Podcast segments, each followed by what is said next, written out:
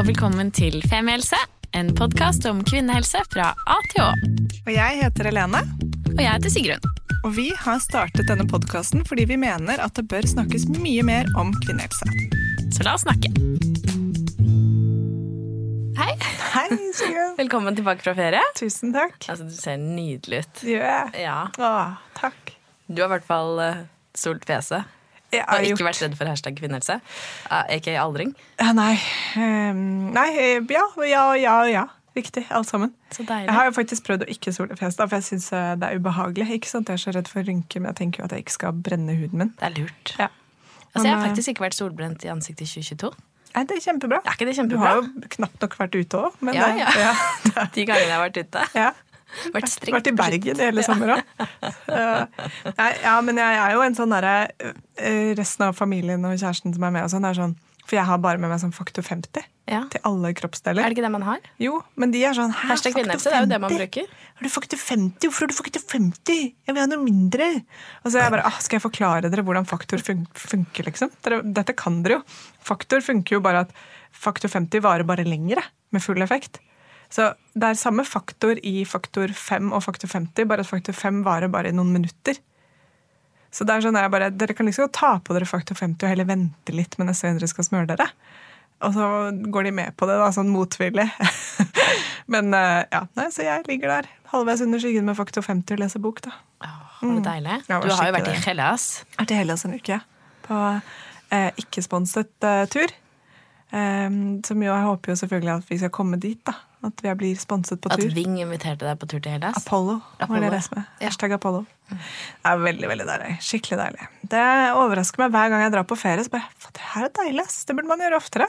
Shit. Ja. Feta-basert diett. Åh, 100% feta og olivenolje basert diett. Um, har også unnet meg et par runder med min favorittsidenrett. Spagetti bolognese. Oh. Du vet at Når den er helt sånn på kanten til å smake kattemat, men den er fortsatt god. Og sånn helt sånn ragu, sånn der veldig mye saftig. Og overkokt pasta. Ja, mm, er så godt. Jeg elsker min favorittspagetti bolognese. Den fra buffé. Fra buffé. Ja, for da er den virkelig Ja, overkokt sånn, ja. og virkelig Ja, ja, den er myk. Mm. Nei, vi har hatt en fin ferie. Mamma hadde bursdag. Ble eh, 68 år gammel. Holder seg knakende godt. Og da, på dagen, så var det gresk aften på hotellet hvor vi hadde booket bord. Og så hadde vi med oss eh, det vi da, vår versjon av gresk aftenklær, som da var hippieklær. Og kledde oss ut. Og så hadde vi sett for oss Vi hadde med klær til mamma, sånn, hun visste ikke noe om dette. Men i vårt hode så hadde vi sett for oss ok, dette er sånn jeg så det for meg. Broren min, kona hans, Joakim, meg og mamma. Alle kledd i sånn hippieklær. Vi skulle være ned på en sånn liten gresk restaurant. Vi så for oss gresk musikk. Det skulle bli så god stemning av at vi hadde på oss disse klærne. Vi skulle drikke litt mytos, og det skulle være god stemning. Og skulle vi ut og begynne å danse, og skulle bare være den kvelden. Problemet var at vi hadde booket bord sju, som vi selvfølgelig gjør, for da er vi dritsultne. Det er buffé. Alle overspiser raskt og effektivt i den buffeen, så vi blir også ganske slitne. Så halv ni er vi ferdig spist, og den der eh, kaka som jeg liksom fikk sneket inn da, fordi mamma hadde bursdag, var jo da også fortært etter at vi allerede hadde spist to runder med dessert hver. Da er vi veldig slitne. Og de eneste som danser på da denne store Apollo-restauranten av en eh, strandbar, er jo de små barna, selvfølgelig. Det er ikke noe sånn der at folk reiser seg opp, og det er ikke den der eh, My Big Fat Greek Wedding eller Mamma Mia-stemningen vi har sett for oss. Så vi var egentlig bare fem voksne kledd ut som hippies på en gresk restaurant. Men det er gøy å kle seg ut. Og hvor lenge holdt dere? Jeg, jeg tror vi var i seng halv ti. Deilig. Ja. Kanskje ti. Ja. Ja. Perfekt kveld, det. Mm. Men uh, ikke det helt det vi hadde sett for oss, men allikevel fint. Ja. Ja. Så bra, da. Og så gikk jeg på tur i en i kildeelv. Vannkildeelv. En elv som var så krystallklar Oi. og helt blå. Den vakreste. 15 grader, iskaldt, men helt nydelig. Jeg følte at jeg bare å ligge sånn og flyte nedover og la meg rense av vannet. Og det gjorde jeg Skrape litt. bare litt mot steinene. Litt mot steinene, ja. Og det var veldig mange andre mennesker der også, så det var vanskelig med flytingen. Ja, men Så deilig. Så nå er du kikkende klar? Kikkende klar. Begynte i deltidsjobb. Prosjektleder for podkast et sted. Jeg kan snakke om senere. Men veldig gøy. Og klar for høsten med deg og masse kule gjester og femihelse. Og gøy ting som skjer. Hva med deg? Er du klar? Ingen kommentar. Over til dagens gjest? Ja. Ja. ja. Kan få du få henge piggybacke på min, eh, min ferie. Ja, jeg føler alt annet liksom ja, slukner litt i den skyggen akkurat nå. Så jeg Ja. tenker vi bare lar dere være i Hellas, og så går vi over til dagens tema. Daram, Tadam. daram, dam. Velkommen tilbake til oss, kjære Nanna Klingenberg. Tusen takk, damer. Det er så hyggelig å ha deg tilbake i studio. Altså, Det føles veldig hjemme. Det er veldig koselig for meg òg. Ja, så bra. Vi møttes på Øyafestivalen. Ja. Og eh, bare så på hverandre under sola i varmen. Jeg tror du hadde så fire enheter med ulik drikke. for Det Du var varm og sliten. jeg har veldig følelse at du var på vei Ja. Jeg hadde vært på Øyafestivalen. Jeg vet ikke hvilken dag dette var, men jeg hadde vært siste dagen. Ja. Ja. Så jeg hadde vært der alle dagene. Ja. Eh, ja, For du var på jobb, åpenbart. Ja, jeg, Ja. Var, jeg var sliten. Men glad. Men glad. Ja. Ja. Og da tok jeg tak i dere fordi jeg ville lage flere episoder. Ja. Fordi jeg har starta for meg selv og trengte at nå er det viktig å spre det glade budskap Ja. om seksualitet. Ja, Det er så fint. Og det betyr at enda flere uh, kan få en bit av sexologen Anna Klingenberg. Yes, Det er Ja. bare å kontakte meg og få, få masse biter av meg. Nei, det er ikke helt sånn det funker, men dere skjønner hva jeg mener. det er Så bra, det. For nå skal du faktisk jobbe som, eh, som sexolog som tar imot par og enkeltpersoner og de som måtte trenge hjelp. Ja, Ja. Det er så gøy! Så gøy. Hvem Ja. er det som kommer til deg, da? Nei, men Det er veldig mye forskjellige folk. Nå har jeg Carl gjort Hagen. Nei. Ja, eh, Jeg kan ikke røpe navn. Nei, men nå har jeg gjort dette, eh, men ikke fulltid. Ikke sant? Og da, så jeg har hatt mange forskjellige typer klienter. Og det er liksom hvem som helst, egentlig. Altså. Det er alle kjønn og alle aldre og ja, stor del ganske relativt unge, sånn rundt under 50 på en måte. Men, men, og med alle mulige problemer eller utfordringer. Og jeg syns jo det er så innmari gøy, rett og slett. Jeg, altså jeg syns det er så givende og fint å kunne snakke med folk om seksualiteten deres. Og så tror jeg de aller fleste trenger jo bare å komme til noen som kan sitte stille i stolen og ta imot det man har behov for å snakke om. Og som har litt kunnskap om det, selvfølgelig, men også det der å bare få lov til å snakke uten å føle på skam. For det er jo det folk, folk skammer seg dessverre skikkelig mye. Og er sånn usikre og syns det er tabu. Og da trenger man kanskje bare noen som kan høre litt på, altså. Og ta imot. Det som jeg syns er veldig spennende med skam og seksualitet, er at jeg tror mange kan tenke sånn Nei, men jeg skammer meg jo ikke, fordi jeg er jo fri når jeg har sex, eller eh, jeg syns ikke sånt er flaut, eller noe sånt. Men hvis man graver litt i det, så har ofte folk en sånn skam for noe man ikke Som man tenker at man skal ha skam for. Hvis du skjønner hva jeg mener? Sånn derre mm, La oss si eh, Jeg kan noen ganger kjenne sånn Å, jeg, eh, håper jeg Tenk om jeg ikke kommer. Tenk om jeg liksom, dette blir en sånn gang hvor jeg ikke kommer mens jeg har sex. Og så blir jeg sånn Å, jeg må øh, virkelig prøve å komme. Og så blir jeg sånn Å nei, så skammer jeg liksom Jeg skammer meg idet jeg tenker den tanken på at jeg stresser inn i sexen. Men det er sånn jeg greier ikke engang å fange at jeg skammer over det. Jeg bare gjør det sånn ubevisst. Ja, men kjøret går, liksom. Opp Ja. natta der. Ja, Ja. virkelig. Men tror du mange også over 50 hadde hatt godt av å gå og snakke med noen om seksualiteten sin? Altså, jeg tror alle, hvis man opplever utfordringer knyttet til seksualitet, så tenker jeg at alle har godt av å snakke med noen. Um, og så kommer det helt an på hva det gjelder, men man har jo sex hele livet. Altså, seksualiteten vår varer hele livet, og det er jo så fint. Og så snakkes det jo altfor lite om eldre og seksualitet. Jeg tenker at det burde vært et kjempetema.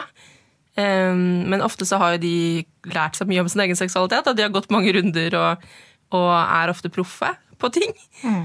Men for all del, altså uavhengig av alder, man kan gjerne komme til sexolog. Jeg føler at vi burde lage en egen episode om eh, liksom overgangsalder og seksualitet. Eh, og at det hadde vært skikkelig spennende. Mm.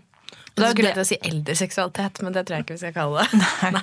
Men, men for det er jo nettopp det som er sånn spennende også med seksualitet, synes jeg, er at det forandrer seg så mye.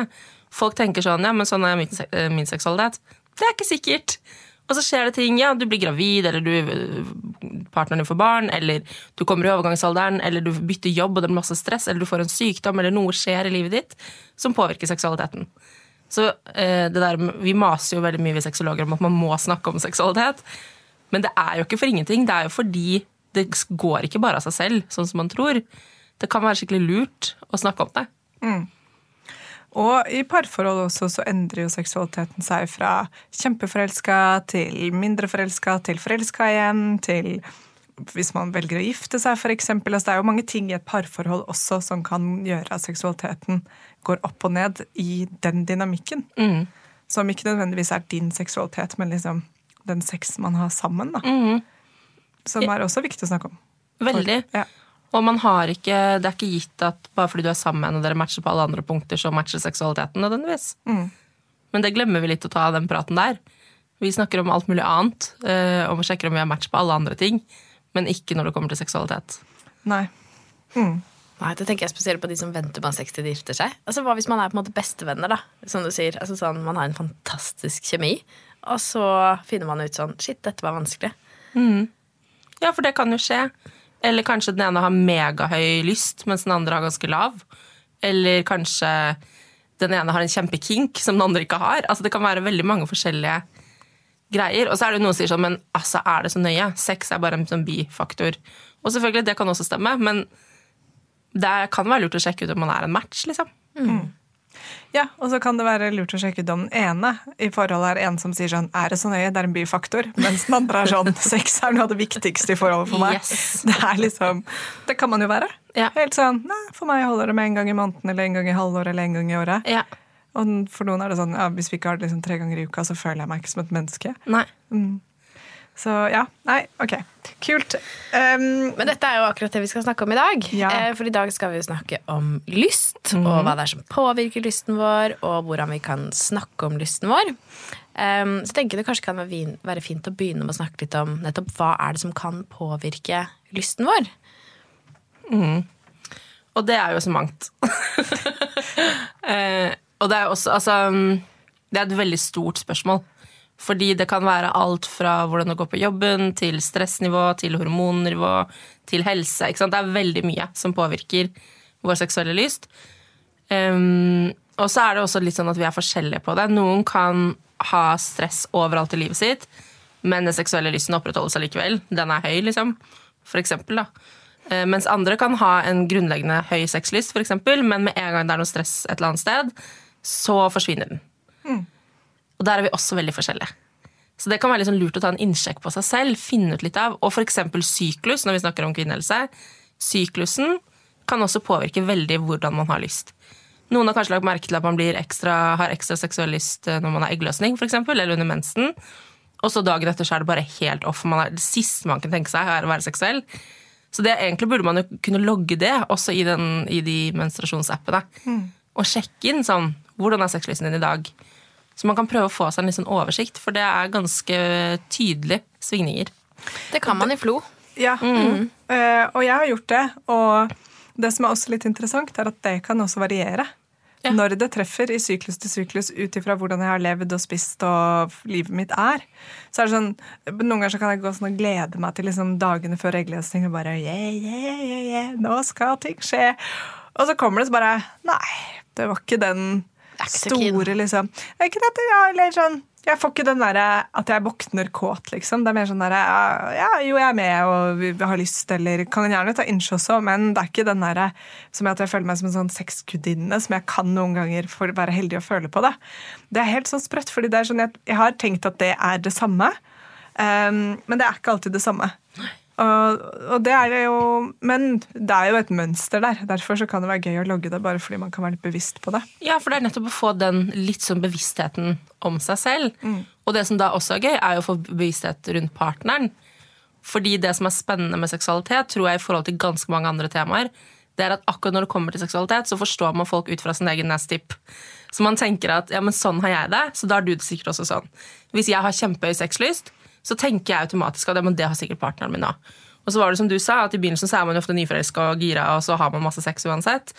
Eh, og så legger det seg. Og så tror jeg da med kjempesexlyst at da fortsetter vi på samme, samme måte som vi alltid har gjort. Men for deg er det helt uaktuelt. Og det må vi snakke om, liksom. Hvis ikke så vet man jo ikke det. Og så kan det ende da med at ja, men så kommer parene til meg, og så har den ene kjempelyst, og den andre ikke. Og så føler den ene seg avvist, og den andre ikke sant? Det blir jo, Så blir det følgefeil av det, da.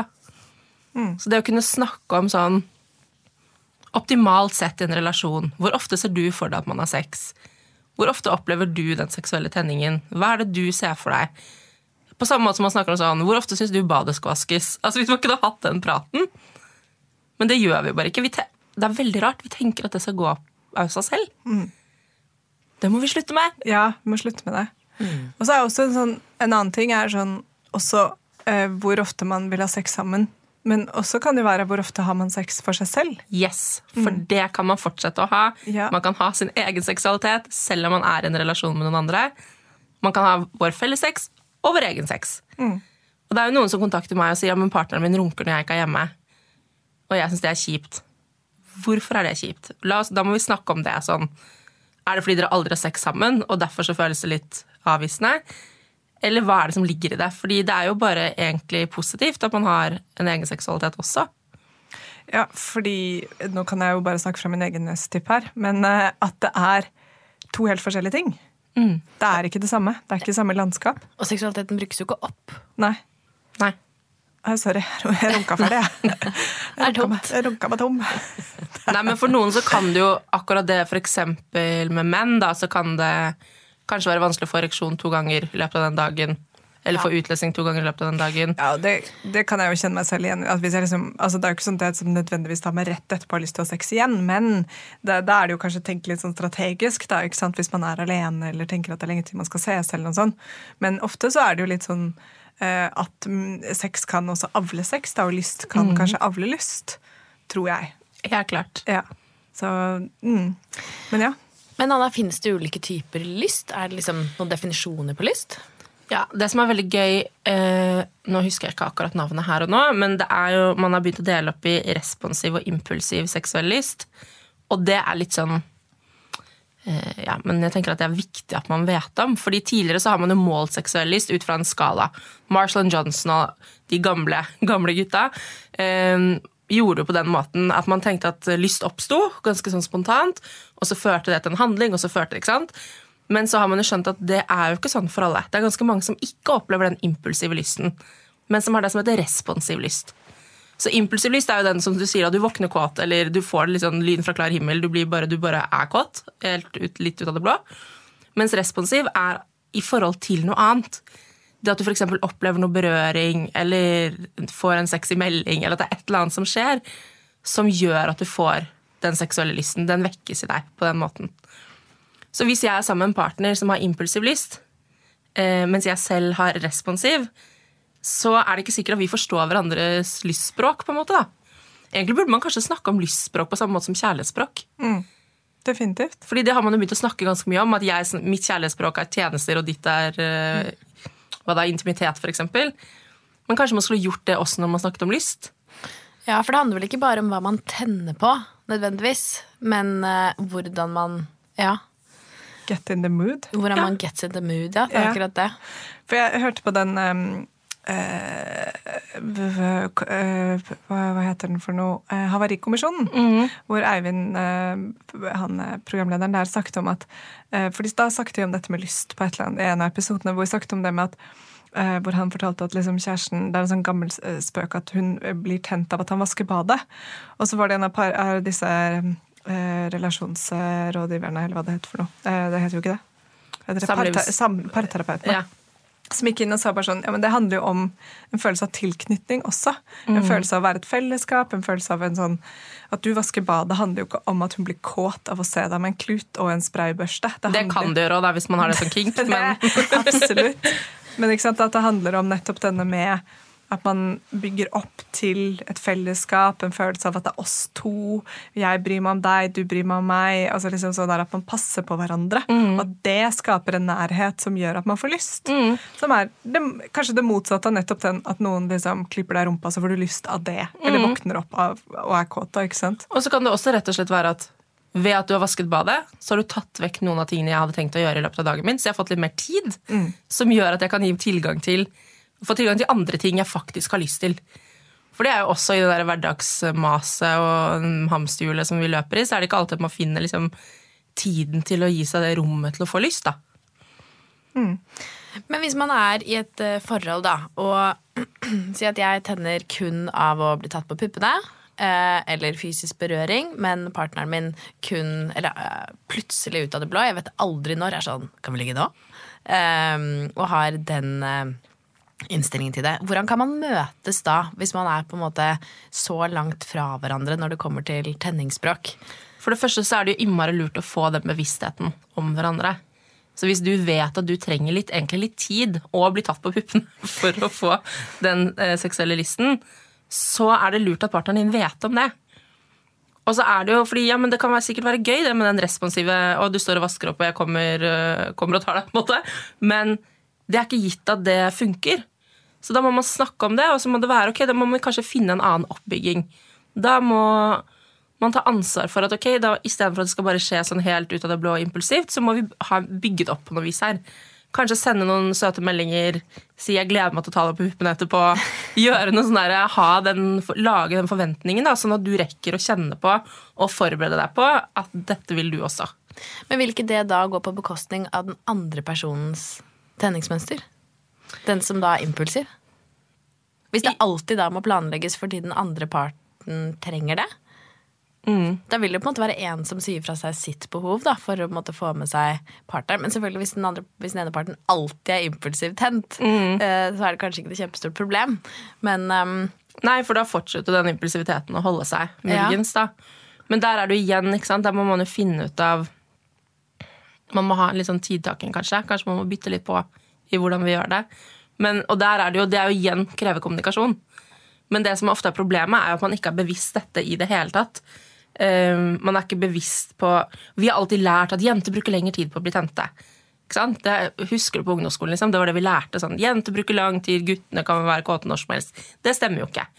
Det er like mange menn også, som vil jeg tro, som har responsiv lyst. Altså, det er jo litt sånn uavhengig av kjønn. Og det kan også endre seg i løpet av livet og alder og alt mulig. Men det der å ha en bevissthet rundt det, og så kunne kommunisere om det og si Guri, i det siste så har jeg hatt skikkelig mye sånn impulsiv lyst. Jeg sitter på bussen og så bare plutselig ble jeg kjempekåt. Dette er nytt for meg. Eh, hva syns du om det? Kan vi prøve Er det greit for deg at vi en gang prøver å bare hoppe på liksom, når jeg får den lysten? Det at man bare kan vite om det. Eh, og så hvis det oppleves skjevt, så må man jo ta den praten, da. Og si at men, jeg trenger av og til at jeg bare kan hoppe på deg, liksom. Og så kanskje det bevisstheten om det kan gjøre at det kan bli ok. Jeg opplever i hvert fall sånn øh, Fordi noen av de spørsmålene vi også har fått inn i dag, så handler det mye om hva man kan gjøre for å få mer lyst, og hva man skal til for å vekke den lysten. Og, men en ting som er ganske spennende med lyst som følelse, eller som liksom sensasjon, er at den er jo ikke der før den plutselig er der. Så man kan gå inn i en sånn situasjon og tenke sånn, ja, men jeg har jo ikke lyst. Men så plutselig har man lyst. Den, er liksom, den skrur seg jo litt på, ikke sant? Og Det er jo det som er kjempeinteressant med nettopp sånn, ja, hva kan du gjøre for å få lyst? Nei, du må kanskje gå inn i den situasjonen hvor det er rom for å få lyst. åpne den døra. Ja, Ja, for hva er det egentlig å ha lyst? Det ble jeg sittende og diskutere her eh, med noen venner forleden. Fordi lyst er jo ganske sånn abstrakt Det er jo en ganske abstrakt ting. For én ting er den delen som sitter i hodet, den hvor du kanskje tenker på seksualitet, eller kan til og med tenke at jeg har lyst til å ha lyst. Men så er det det som skjer i kroppen. De kroppslige responsene som vi er vant til å få når vi har seksuell lyst. Altså eksempel at man blir våt, eller de tingene der. Og noen ganger så henger jo ikke de sammen. Man kan jo også for eksempel, kan man oppleve å få ereksjon når du har overhodet ikke lyst, men bare, ikke det er en fysiologisk reaksjon. Men det å bli liksom bekjent eller bevisst på hvordan arter det seg i min kropp, hvordan opplever jeg Hvis du kan klare å registrere neste gang du har skikkelig lyst, har seksuell, kjenner høy seksuell lyst, hvordan kjennes det egentlig ut? Og akkurat som du sier, da, å gå inn i det, inn i det lystrommet, på en måte. Prøve å se for deg hva er det jeg egentlig har lyst til. For det trenger ikke å være sex på den eller den eller den måten. Kanskje har du bare lyst til å, nå fikk jeg lyst til å bare ligge litt inntil hudet. Det synes jeg virker så deilig.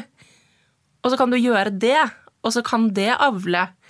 Oi, det førte til noe at jeg fikk lyst til at du skulle ta meg på puppene. Eller? Så kan det føre til noe mer. Men det vi ofte gjør, er at vi tenker at seksuell lyst og det betyr at vi skal ligge. Eller det betyr en orgasme. Det er ikke sikkert at det skal handle om det i det hele tatt. Sex er jo veldig mye mer enn ligging. ja definitivt. Men er det noe man kan gjøre da for å liksom tenne lysten, hvis man kjenner eh, at jeg har ikke lyst, eh, men jeg skulle ønske at jeg hadde det, og det er noe som, si det er noe som foregår over en lengre tidsperiode, da. Er, det noe vi kan, er det noe man kan gjøre selv? Ja, først og fremst tenker jeg at det er viktig å si at Nedsatt seksuell lyst kan jo også komme av eh, sykdom, ikke sant? eller det kan komme av andre ting. Eh, så hvis man opplever det som en sånn vedvarende belastning, så kan det også være lurt å sjekke inn hos legen sin. Eksempel sjekke prevensjonsmidler. For Det har vi snakket om før. Det har jeg kjent veldig på selv. Ja. Sluttet på p-piller. Var sånn Å ja, ok, ja, det var litt hyggelig allikevel, ja. Ja. Um, så det er jo et tips da til de der ute som kjenner at de er i en litt sånn grå seksuell periode. Ja. Alle medikamenter man tar, kan påvirke seksuell lyst på en eller annen måte. Sånn at det er lurt å sjekke inn på. Både psykisk og fysisk. Absolutt. Men så er det jo den, eh, den delen som handler om Ja, hva er det du trenger, egentlig? Kanskje det er um, Altså Sånn som vi snakket om med hamsterhjul i hverdagen. Kanskje ikke det funker. Jeg hadde en venninne som sa sånn Vi har sex på ferie, vi. Det er da vi har sex. på en måte. Det er da jeg har space til å kjenne på det. Og det skjønner jeg litt, fordi da har man fjernet alle alt andre maset, og så er det plutselig bare opp til å være i seg selv og sin egen kropp og være sammen med partneren sin. Så kanskje man må prøve å skape litt mer av de pusterommene i en hverdag, da. Hvis det er det du trenger. Eller kanskje det handler om å få litt sånn kontakt med kroppen sin.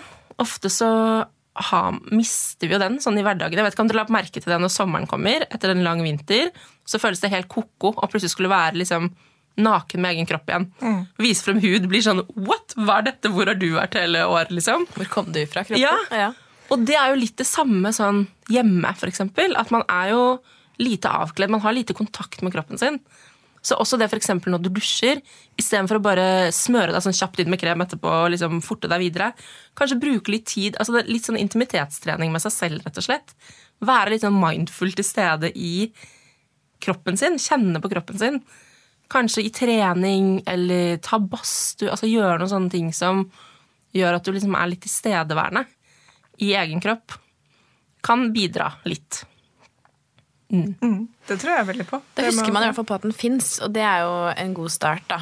Og hele, hele kroppen sin. Så bare sånn, Ta seg selv litt på magen og på bena og på armen og være sånn Ja, ok, dere er her, og dere er en del av meg. Vi har jo også fått inn spørsmål fra en som sa um, at hun var så trøtt. Ja. Fikk for lite søvn, og da var det vanskelig å prioritere sexen. Um, og det skjønner jeg veldig godt. Altså, det er jo ikke, det er ikke da man liksom tenker at det er nå jeg skal ligge. Men det er jo kanskje litt tilbake igjen til det du sa, at det er kanskje ikke ligging man skal begynne med. da.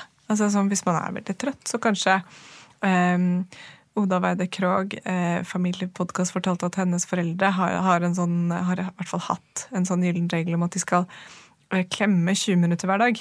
20 minutter. Mm. Som er sånn, det høres helt sinnssykt ut, men de da prøver å sitte ved siden av hverandre på sofaen, eller når de spiser middag eller lager mat, på en eller annen måte, så står de inntil hverandre. Det er ikke som å stå i en omfavnelse, men de står inntil hverandre. Kroppskontakt, liksom. Kroppskontakt. Ja, For eksempel hun um, Bjørk Matheasdatter, som jeg alltid blander med Bjørg Toralsdottir. to like navn som driver med litt av det samme. Nei, eh, jeg snakket i hvert fall med, med henne, og hun fortalte jo at eh, hun og mannen, da barna var små, så pleide de å fast uh, før eller ettermiddag, jeg husker ikke helt, men å ligge sammen på sofaen. Mens Altså ikke liksom- ligge sammen, ligge Nei. sammen. ligge i skje. inntil hverandre. Ja. Slappe av litt, liksom. Ja, kose. Mens barna liksom enten lå sammen med de eller lekte rundt og holdt på. Mm. Men uansett den derre både en liten hverdagspause uh, og den fysiske nærheten.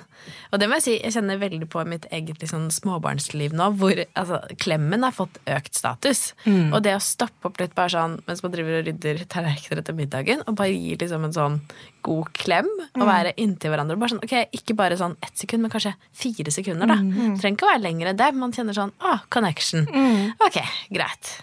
Da går det bra. Da kan vi gå videre. Uh, jeg tror at det kan være skikkelig viktig, spesielt i en sånn type fase hvor ting er litt sånn snudd på hodet og man ikke har tid til å leve, egentlig. Ja. Og så tror jeg også at ja, men når man er i småbarnsliv, for eksempel, eller bare er kjempetrøtt og ikke får nok søvn Nok søvn er kjempeviktig. Um, og for noen så er ikke sant, som vi snakket om at For noen så kan det at du ikke får sove, det har ikke noe å si for sexlysten. Den er på allikevel. Mens for andre også påvirker det kjempemasse. Og da, må du da er det søvn du må få først. Det er også en prioriteringssak. Selv som sexolog så syns ikke jeg at sex alltid er det viktigste. Det, er, det kommer an på fra person til person. da. Så det å få ja, men skape noen lommer hvor du faktisk får sovet eh, Og så som du sier, det trenger ikke da å handle om at du skal rett på orgasme, men kanskje du trenger ja, å ligge i skje, du trenger den intimiteten, du trenger den nærheten.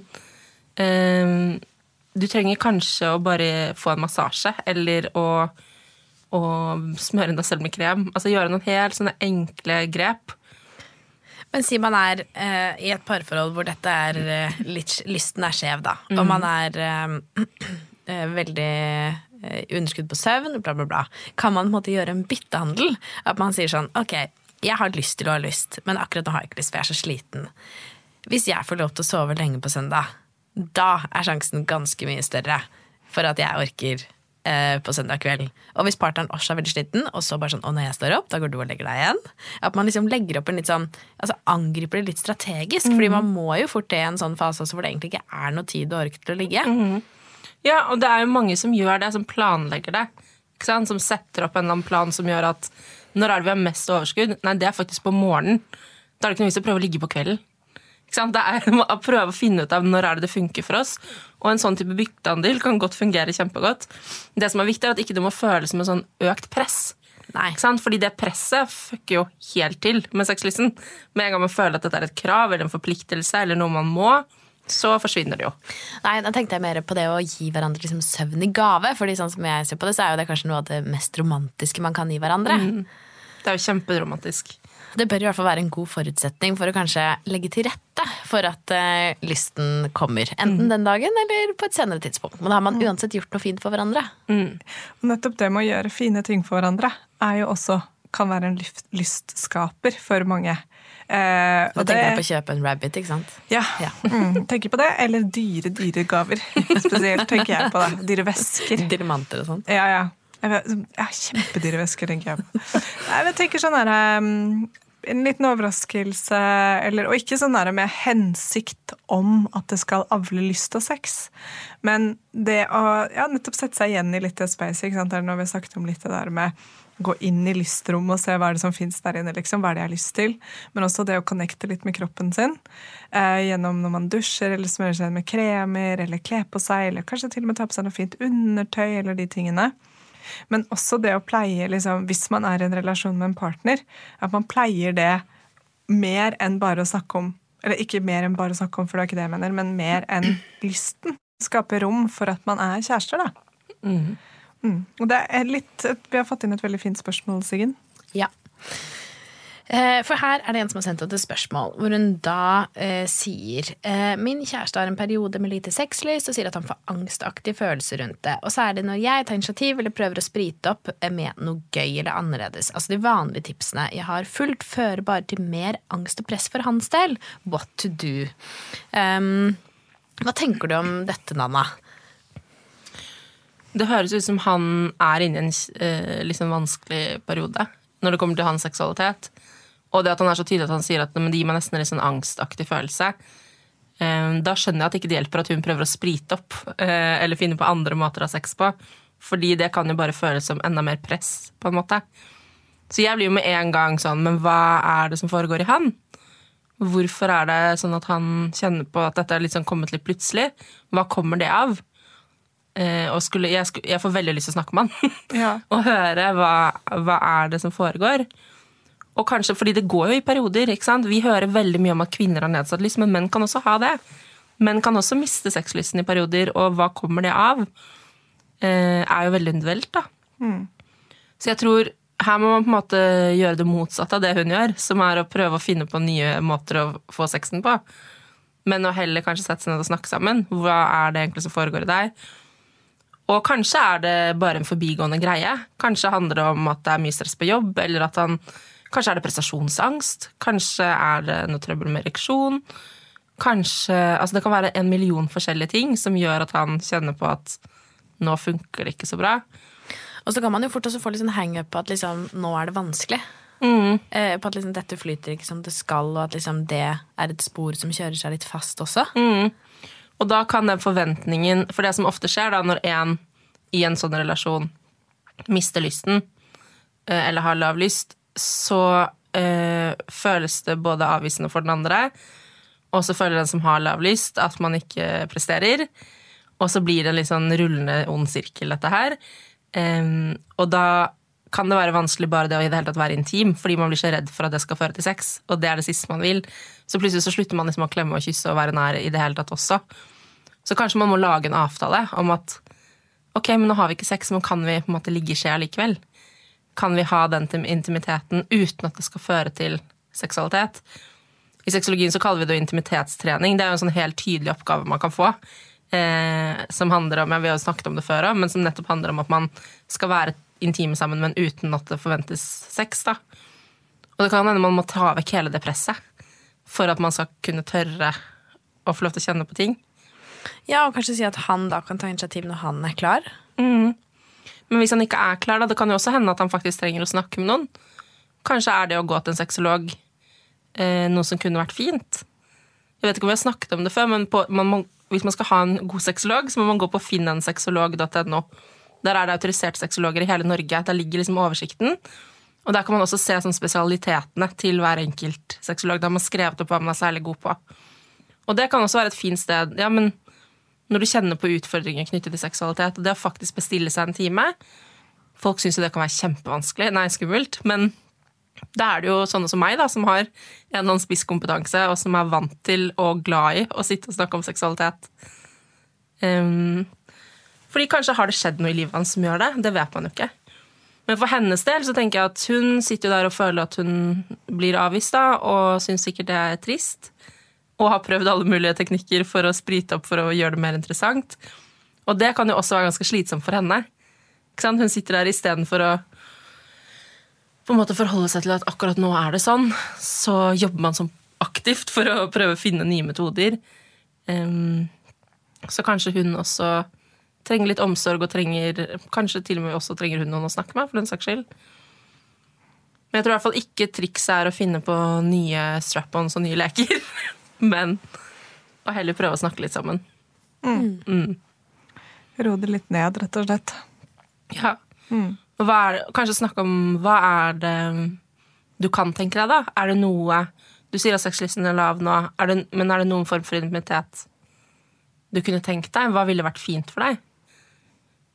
Og hvis bare det å, gjøre, det, å snakke om det også gir han angst, så må dere kanskje snakke med noen som er proffe, da, sånn at dere kan finne ut av det. Det kan jo også være kjempeskummelt å skulle sette ord på for en partner. Ja, og så kan det jo Nå aner vi jo ingenting om forhistorien her, men liksom Jeg kan jo tenke meg at hvis man har kommet til en eller annen konklusjon at man ikke har lyst til å ha så mye sex, så det er også en vanskelig ting å formidle.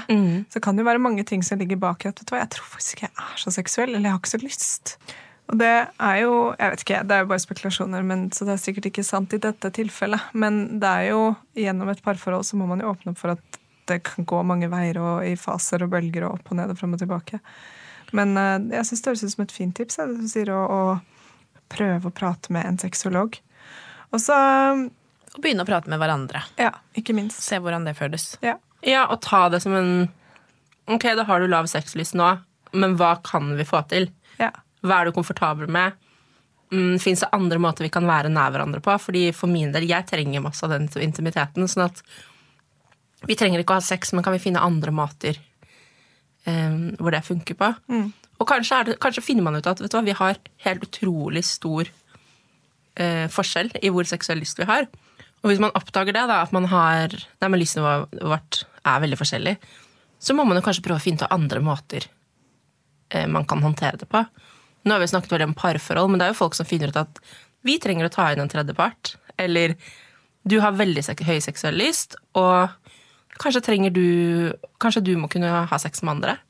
Altså det fins jo Det syns jeg er sånn spennende, men vi har jo veldig sånn forventning til hva det vil si å være en relasjon. Men det fins mange måter å gjøre de relasjonene på. Det fins liksom ikke one size fits all. Så kanskje må man ja, men tenke litt sånn utenfor boksen, da. Kanskje trenger du, eller vi i dette parforholdet, at du går ut og ligger med noen andre en gang i uka, og så fører det til at vi får det helt opp. Det er jo ingen, liksom, Jeg sier ikke at det er løsningen for disse og hun som skriver inn dette spørsmålet, men, men det der å tørre å tenke litt annerledes. Hva er det som funker for oss? For det er ikke Det er ikke liksom en to streker under svaret her. Men det, for å komme dit så må man snakke sammen. Så det er jo irriterende at sexologer alltid sier det. Vi må kommunisere om seksualitet, men det er helt sant. På samme måte som vi diskuterer rengjøring og drømmer og hvor vi skal bo, så må vi snakke om seksualiteten vår. Men hvis det er kjempevanskelig å snakke om, og det bare blir helt rart, både med en sexolog eller med en partner, kanskje man kan prøve å sånn, skrive det ned eller noe? Sånn, snakke om det på andre måter? Absolutt. Det finnes veldig mange, og det har vi, tror jeg vi har laget en episode for før, hvordan kommunisere om seksualitet. Man kan jo gjøre det på mange metamåter, og man kan skrive brev til hverandre. Det finnes mange løsninger der. Men først og fremst så må man jo sjekke det med seg selv. Hva er det jeg Hva er det jeg trenger? Hva er det jeg ønsker meg? Hvordan er det optimalt jeg skulle hatt det? Hvordan, hvordan får jeg seksuell tenning? Har jeg en impulsiv lyst, eller har jeg mest en responsiv lyst? Hvordan optimalt sett ser jeg for meg at sexen min skulle vært, eller sexlivet mitt skulle vært? Skulle det vært å få massasje av partneren min en gang i uka og ligge en gang i måneden? Eh, skulle det vært, altså Skal det være hver dag, flere ganger om dagen? Det er jo så innmari individuelt. Vil jeg gjerne at partneren min eh, ta meg bakfra mens jeg tar oppvasken, eller vil jeg helst at vi møtes på soverommet liksom, etter at vi har planlagt en stund?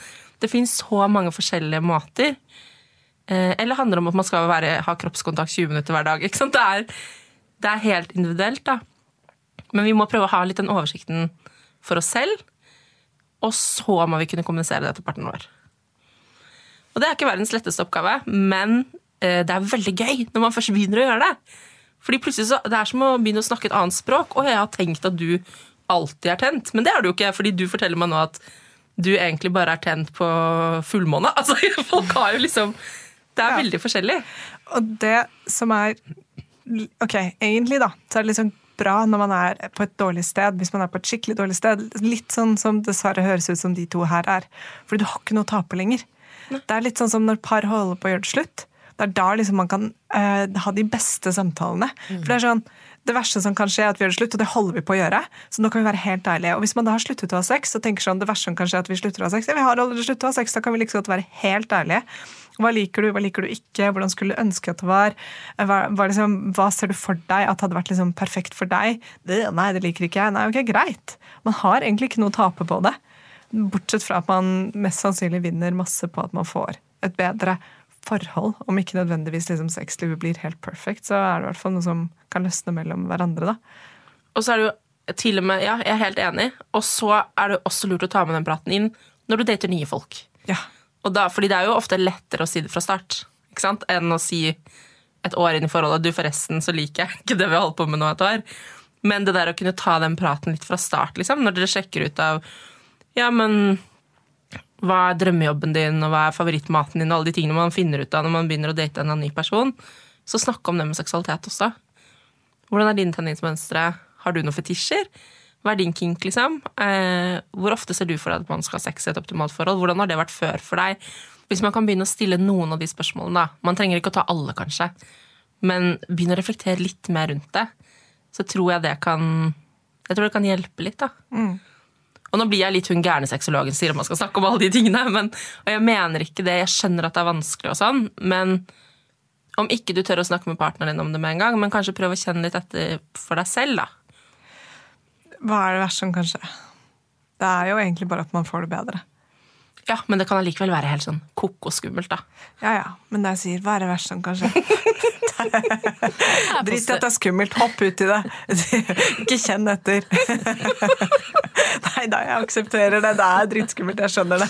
Men uh, herregud, det er uh, Ja, det er, man får jo bare øve seg og prøve seg litt fram. Ja, jeg syns det er vanskelig selv, jeg. Det er ikke det. Og så tror jeg kanskje at hvert fall man kan åpne opp med å si du, jeg har litt jeg syns det er litt skummelt, men jeg har skikkelig lyst til at vi skal prøve å snakke litt mer om seksualitet. Hva tenker du om det?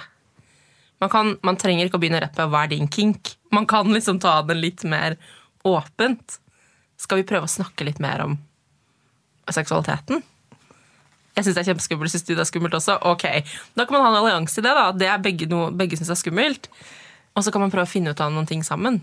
Men eh, før vi nå nærmer oss en avslutning her, eh, så har jeg bare sånn Hvis det da kommer fram f.eks. at eh, La oss si at hun eh, sier 'jeg elsker at du går ned på meg', og så svarer han 'jeg liker ikke å gå ned på noen'. Det er ikke min greie. Hva gjør man da hvis man kommer fram til veldig sånne spesifikke ulikheter? Da må man prate om det. Og så må man sjekke ut hvor viktig er det for meg at du går ned på meg. Er det så viktig at da trenger jeg noe annet enn deg? Eh, eller kan vi finne løsninger på dette? Mm. For det er jo sånn som med alle andre ting i forhold, det handler om å gi og ta, på en måte. Um, og hvis du oppdager at ja, det at du går ned på meg, er faktisk det aller viktigste uh, i min seksualitet, Så enten må da partneren din prøve å strekke seg til å kunne Fins det noen måte vi kan gjøre dette på? Kan vi gjøre det i dusjen? Syns du det er mer komfortabelt enn å gjøre det noe annet? Altså, man prøver å finne noen løsninger, da. Og hvis ikke det går, så må man kanskje tenke utenfor boksen og finne ut av Kanskje kan vi ikke være sammen, eller kanskje kan, jeg kan få den tilfredsstillelsen et annet sted. Og så kan vi fortsette å være sammen fordi alt det andre vi gjør, er skikkelig bra. Mm. Ja. Enig. Snakker jeg nøkkelen? Snakker nøkkelen. Det hadde vært deilig hvis man kunne ta en pille. En lystpille. Ja. Det hadde vært kjempedeilig. Det hadde du ikke med deg i dag heller, Nanna. Nei, jeg beklager det. Jeg skuffer gang på gang. Ja. Nei, nei. Sånn er det. Håper ikke dere som hører på, er like skuffa som oss.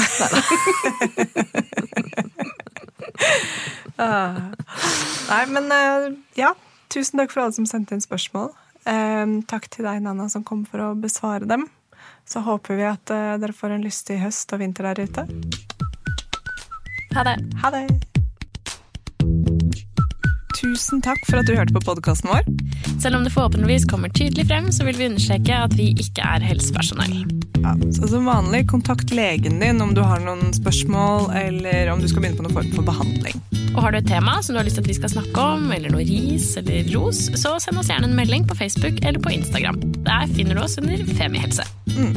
Og du kan gjerne rate oss på iTunes, det er skikkelig hyggelig for oss. Ha en fin dag. Ha en kjempefin dag.